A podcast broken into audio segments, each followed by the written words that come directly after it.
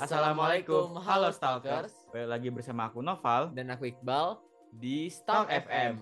Pada episode kali ini, kami akan memberitahu tips and trick untuk menjaga data pribadi. Sebagaimana yang sekarang kita ketahui, beragam aplikasi baik itu vintage, e-commerce, dan platform digital lainnya selalu membutuhkan data pribadi penggunanya. Kalau kita nggak hati-hati, maka para penjahat digital akan mudah menyalahgunakan data tersebut. Maka dari itu, stalkers harus tahu nih tips and trick untuk menjaga data pribadi.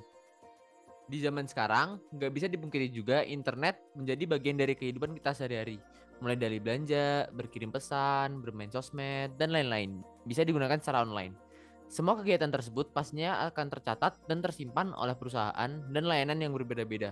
Maka nggak heran jika dulu seseorang privasi, kini hal tersebut seolah hilang. Namun sayang, masih banyak yang nggak sadar nih tentang keamanan data personal saat menggunakan internet. Kesadaran pentingnya menjaga data pribadi baru akan muncul ketika pihak yang bertanggung jawab menggunakan untuk hal yang merugikan.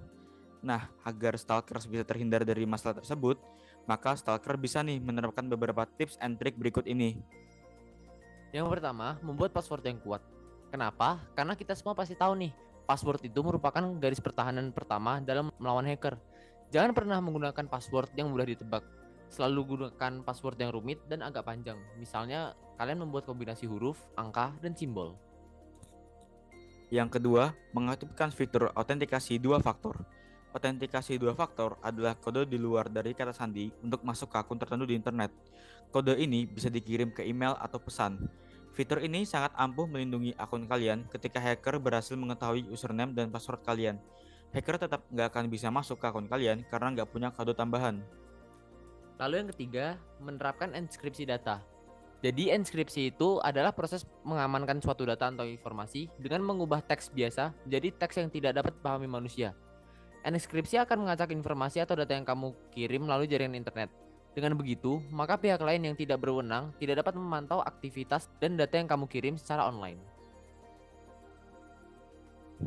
Yang keempat, menyiapkan email cadangan. Pastikan selalu memiliki email cadangan untuk melindungi privasi akun di internet.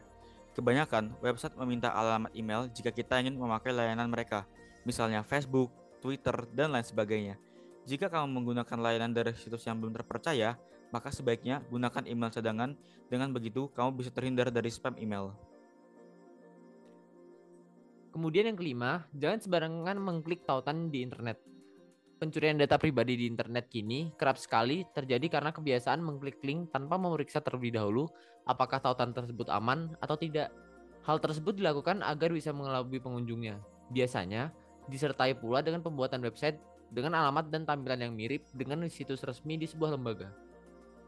Yang keenam, biasakan membaca privasi polis. Tips menjaga data pribadi dengan selalu membiasakan diri untuk selalu membaca privasi polis terutama saat mengunduh aplikasi untuk smartphone yang kamu gunakan. Hindari aplikasi yang meminta akses ke data pribadi kamu, galeri foto pribadi kamu, nomor kontak, kamera, histori panggilan, pesan singkat, dan lain sebagainya. Setujui pemberian akses data personal untuk aplikasi yang memang punya kepentingan sesuai dengan layanannya. Kemudian yang ketujuh, kalian bisa menggunakan incognito mode.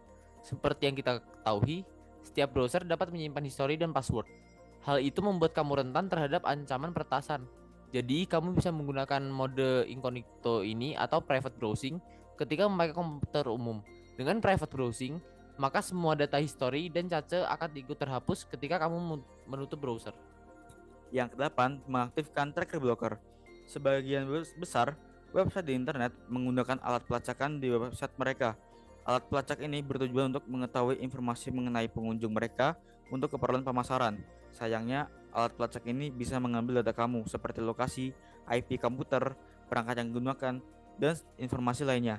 Jika ingin menjaga privasimu, maka kamu disarankan menggunakan fitur tracker blocker di komputer atau smartphone yang digunakan. Lalu yang kesembilan, kalian dapat memanfaatkan VPN saat menggunakan WiFi di tempat umum. Jadi, saat menggunakan akses internet gratis melalui WiFi di tempat umum, alangkah baiknya kamu pun harus tetap waspada tak jarang keamanan akses di internet di tempat-tempat seperti itu sangat rawan.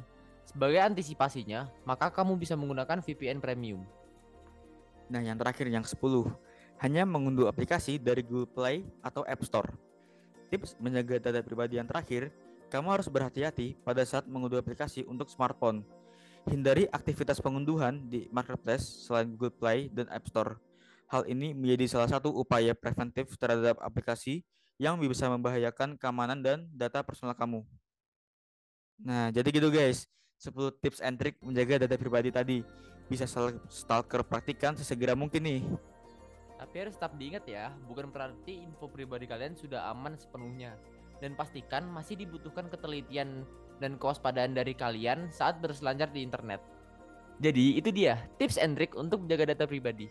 Makasih buat teman-teman yang udah dengerin podcast kita kali ini. Dan jangan lupa nih follow Spotify kami nih di Stalk FM.